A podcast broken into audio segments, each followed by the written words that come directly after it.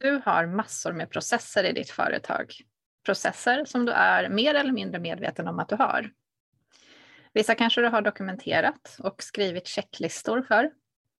Andra går lite mer på autopilot och eh, du bara gör utan att tänka på vad det är du gör egentligen. Men vad händer när du gör någonting lite mer sällan i ditt företag?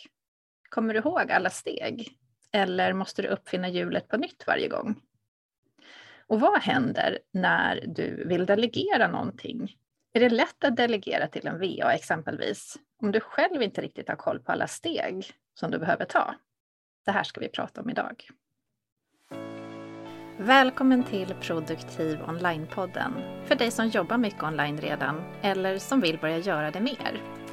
Här pratar vi om att skapa roliga rutiner kring att attrahera nya leads, konvertera och sälja, leverera våra tjänster, behålla nöjda kunder och allt runt omkring som handlar om att driva företag. Jag heter Maria Lofors och jag är så glad att du är här. Det finns många bra tips kring att jobba med timeblocking och temadagar för att få mer gjort. Men jag tycker att det ofta inte är lönt att börja där. Jag tänker att vi måste börja med att verkligen förstå vår verksamhet. Att kategorisera våra rutiner och processer på ett sätt som blir tydligt och som underlättar när du sedan vill jobba med temadagar och sånt längre fram. Men hur kategoriserar man då? Ett vanligt råd som jag har stött på genom åren är att skapa en org chart, eller organisationskarta som det heter på svenska. En org chart är ett eh, hierarkiskt flödesschema som vi ritar upp hur en organisation ser ut och hur, vilka delar organisationen består av och eh, de här olika delarnas förhållande till varandra. Och högst upp i den här hierarkin så har vi vd. Och sen så kanske ledningsgruppen kommer och så har vi alla olika avdelningar och alla olika chefer för de här olika avdelningarna och så vidare. Så ritar man upp hur organisationen ser ut. Och eh, jag har försökt att skapa egna orgcharts några gånger, men det har liksom aldrig riktigt klickat för mig. För alltså, i teorin så har jag också en kundtjänstavdelning och en ekonomiavdelning och en försäljningsavdelning och så vidare. Men i slutändan så är det ju ändå jag som soloprenör som sitter med alla de där hattarna själv. Och även när jag hade ett team för några år sedan så var det ändå jag som, som gjorde allt det där. För jag hade delegerat kunder till mina medarbetare. Men det var ändå jag som ansvarig för försäljning, för att driva företaget, för eh, att attrahera nya leads och så vidare. Så när jag sen skulle organisera alla mina to-dos med hjälp av en sån här eh, traditionell org-chart så blev jag helt matt. Jag har använt ClickUp sedan 2018 och jag älskar det programmet. Men ett problem som jag hade i början var hur skulle jag sortera mina to-dos i programmet utan att det blev rörigt? Och ClickUp kan ha en ganska hög inlärningskurva och så var det även för mig. Eh, och jag har testat olika upplägg, framförallt då att sortera på tänkta avdelningar. Men det blir ganska komplicerat. Så ibland så har jag fastnat på att sitta och organisera mitt arbete istället för att faktiskt utföra arbetet. Och här vill jag säga att det är lätt att fastna på det här sättet oavsett om man använder ClickUp eller något annat verktyg för att organisera sig. Men innan jag fick en ordentlig struktur så hade jag en tendens att bara slänga in saker i programmet utan att processa dem ordentligt. Och till slut var jag helt överväldigad av alla osorterade uppgifter. Man blir ju lätt ganska trött när man går in i sitt eh, projektplaneringsprogram och, och, ser en hel lång lista med eh, försenade illröda uppgifter. Det som gjorde att det lossnade för mig var när jag fick tipset att rita upp en processkarta istället för en org chart. Och man kan ju tro att det är samma sak, de ser ganska lika ut. Men eh, här börjar vi högst upp i hierarkin med ditt varför. Vad är syftet med att du driver ditt företag? Sen är då frågan, vad behöver du göra för att nå dina mål med ditt företag? Och det är det här som blir nästa nivå i hierarkin i en processkarta. Och min gissning är att du, liksom jag, behöver attrahera nya leads. Du behöver konvertera de här leadsen och sälja dina tjänster. Sen behöver du leverera tjänsterna som du har sålt. Du behöver serva dina kunder så att du får behålla dem länge. Och sen så behöver du också vara den som driver ditt företag. De här fem momenten är dina huvudprocesser som jag ser det. Alltså attrahera, konvertera, leverera, serva och driva. För jag är övertygad om att när vi har koll på vårt varför och vilka steg vi behöver ta för att nå dit, så är det ju lättare att sortera att göra-listan. Så då måste jag fråga dig, har du koll på ditt varför?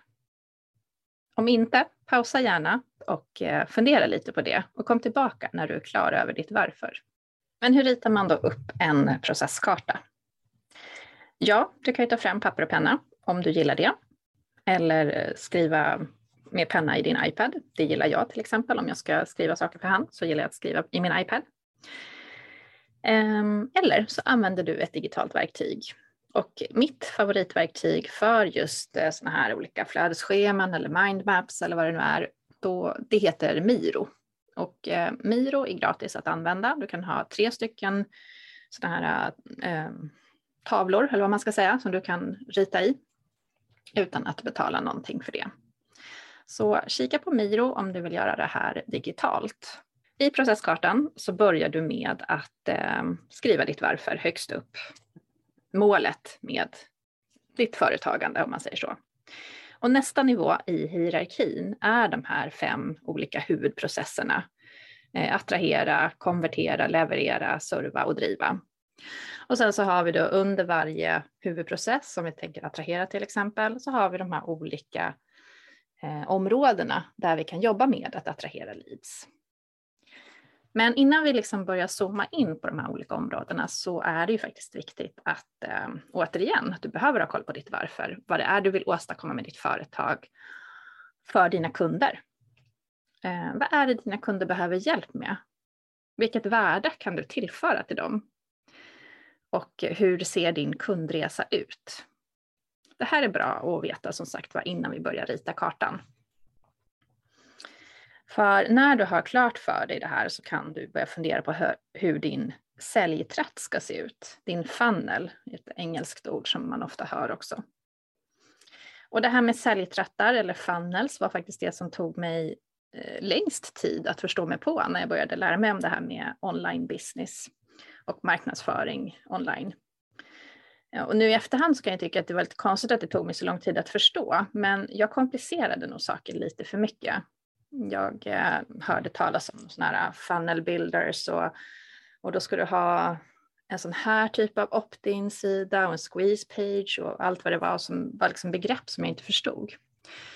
Men egentligen är det ganska enkelt. För att du, om du ska sälja en, en plats eh, i, i, din kurs eller en, i din coachingprogram eller vad det är du säljer, så behöver du ju nå ut till väldigt många fler än den här personen som faktiskt köper. För alla som ser ditt erbjudande kommer tyvärr inte vilja köpa. Man brukar prata om någonting som heter konverteringsgrad.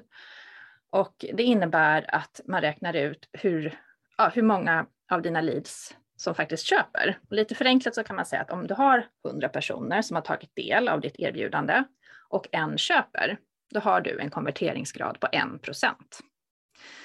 Och eh, jag tror att något snitt ungefär i branschen är typ 3 procent. Eh, men det här kan ju såklart variera otroligt mycket på, beroende på eh, vilken nisch du har, vilket pris du har och så vidare.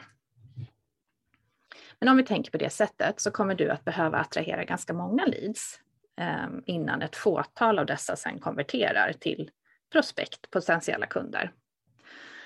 Och även om du har ett prospekt som verkar väldigt intresserad så är det faktiskt sällan alla som visar intresse som faktiskt köper sen i slutändan. Så det är det som eh, kallas säljtratt, eller då på engelska funnel.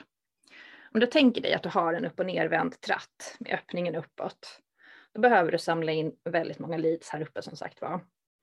Och då är frågan, hur vill du attrahera dessa?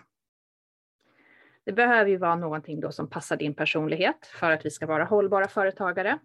Eh, och passar din önskan också om hur du vill driva företag. Och jag ska alldeles strax gå in på ett antal exempel. Och sen hur man då tar de här intresserade vidare ner i tratten och konverterar dem till betalande kunder. Det ska jag också komma till alldeles strax.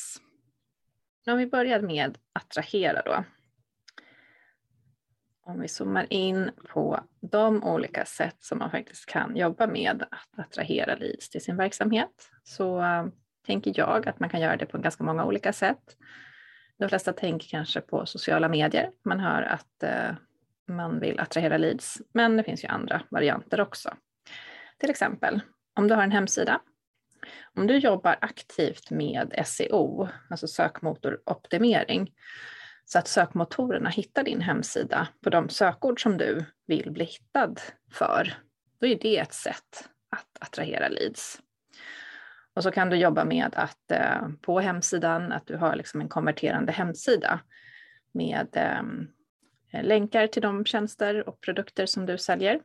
Och eh, ja, det är inte alltid så lätt att göra rätt där. Jag fick faktiskt en, ehm, en person som chattade med mig på min hemsida häromdagen som var intresserad av mitt medlemskap Produktiv online.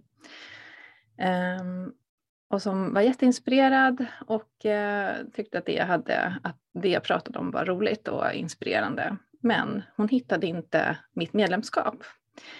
Uh, och det tyckte jag var ganska lustigt för att jag har ju det, jag tycker att det är tydligt hur man hittar det, men uppenbarligen inte. Um, så är det tydligt för den som landar på din hemsida att um, att hitta det du faktiskt vill sälja. Tänk efter på det. Och eh, se om du kanske behöver göra korrigeringar, för det behövde jag uppenbarligen göra. Sen har vi det här med eget content.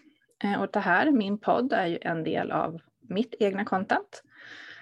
Ehm, man kan ju ha till exempel en blogg också, eller en Youtube-kanal, eller eh, man sänder live regelbundet på sin Facebook-sida, eller vad det nu är, där du bygger din auktoritet för dina eh, potentiella kunder. Att när de kanske landar på din hemsida så finns det material där för dem att gå tillbaka och läsa eller lyssna på och så vidare. Och sen nyhetsbrev, att skicka nyhetsbrev till sin lista, bygga en e-postlista. Eh, för du har säkert hört sägas att eh, vi äger ju inte våra följare på till exempel Instagram, Eh, det är en plattform som du inte äger. Vad händer om du blir utelåst från Instagram? Du har satsat jättemycket krut på att bygga upp en stor följarskara. Det kan ju bli lite jobbigt. Men om du då har sett till att alla de som följer dig, eller många i alla fall, också har signat upp på ditt nyhetsbrev, då har ju du ett sätt att faktiskt kontakta dem ändå. Så börja tidigt om du är nystartad med att bygga en ny eh, e-postlista. Och hur gör man det då? Jo, man kan ha en freebie, alltså någon slags eh, gratis gåva som man delar ut som ehm, eh, någonting som gör att folk faktiskt vill signa upp för att de vill ha den här eh, lilla pdfen eller checklistan eller det kanske är ett webbinar som du har spelat in i förväg eller vad det nu kan vara. Som de bara, som de bara kan få tillgång till genom att signa upp på ditt, eh, din e-postlista. Och sen sociala medier som sagt var. Ehm, det är ju ett bra sätt att bygga, ehm, att få följare på, som sedan kan konvertera till kunder såklart. Eh, nätverkande tycker jag att man eh, också ska komma ihåg som ett sätt att attrahera nya leads. Och det var faktiskt det sättet som jag byggde upp min redovisningsbyrå på. Ehm, att jag eh, nätverkade i olika Facebookgrupper. Jag lärde känna folk som sedan rekommenderade mig vidare till andra när frågan om bokföring dök upp. Eh, jag har faktiskt en, eh, en lista i mitt ClickUp där jag har fört in alla intressanta Facebookgrupper som jag är med i. Och jag har även skrivit upp vilka olika teman som brukar återkomma i de här grupperna. Vissa grupper har ju liksom att varje tisdag så får man Eh, får man göra reklam för sig. Eller att på, på lördagar så kanske det är så här social media Saturday, så får man promota sitt, sina social media handles. Um, så det är ett litet tips faktiskt att, att eh, organisera dig kring ditt nätverkande. Affiliates. Eh, och det är ju att, att erbjuda folk som rekommenderar andra dina produkter och tjänster att de får en viss procent på försäljningen. Och det här kan du erbjuda kanske tidigare kunder som faktiskt också då vet vad du går för och så kan med glädje då rekommendera dig till andra. Och som tack för hjälpen så kan de få en liten del av kakan. Så här är några exempel på hur du kan jobba med att attrahera nya leads. Och konvertera sen då. Då handlar det om att sälja. Hur säljer du dina tjänster? Ehm, det kan man göra med eh, olika lanseringar, till exempel olika kampanjer.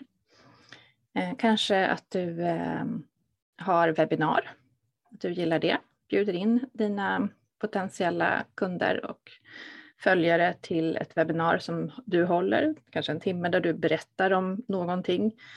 Eh, alltså erbjuder värde. Och sen i slutet av det webbinariet så kan du sälja din tjänst. Utmaning är ett annat sätt. Eh, och vanligt är då fem dagars utmaning, sju dagars utmaningar, vissa fall 21 dagars utmaningar.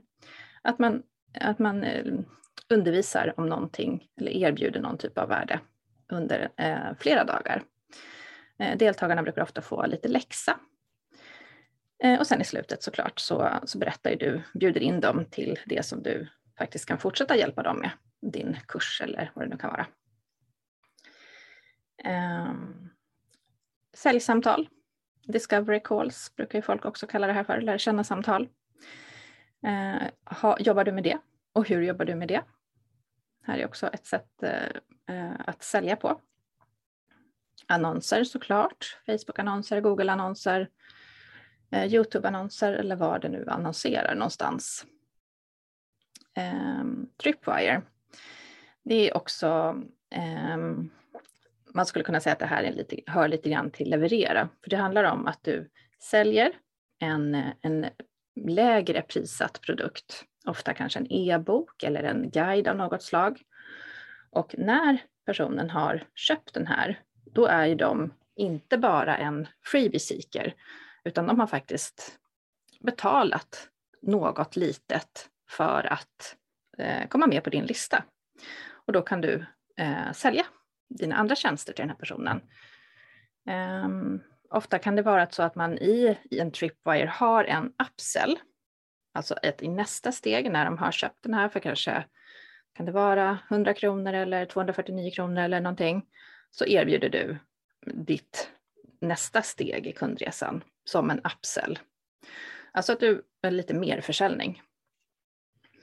Det finns ju också någonting som heter downsell, att om någon inte köper ditt erbjudande så kan du erbjuda någonting annat till ett lägre pris.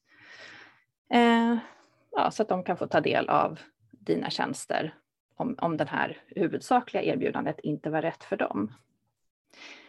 Och sen en sista grej som jag också vill nämna är order bumps. Och det är att i eh, många olika kund, eh, eller kundkorgsplattformar så kan man lägga till att eh, i utcheckningen så finns det en liten ruta som man kan klicka i. Att de vill även ha ditt lilla extra erbjudande. Och det kan de bara köpa i samband med att de checkar ut i, till den här produkten. Och det är inte alla kundkorgar som har den möjligheten, men till exempel Thrivecart som jag använder har den möjligheten.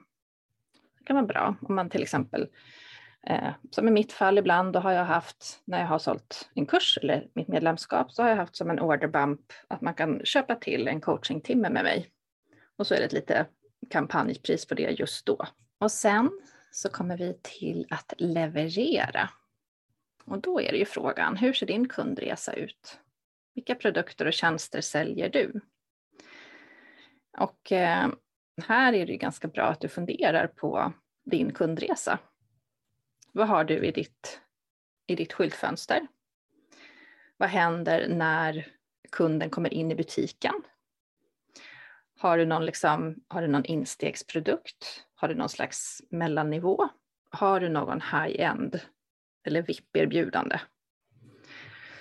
Eh, och hur organiserar du eh, den här leveransen av dina olika tjänster och produkter?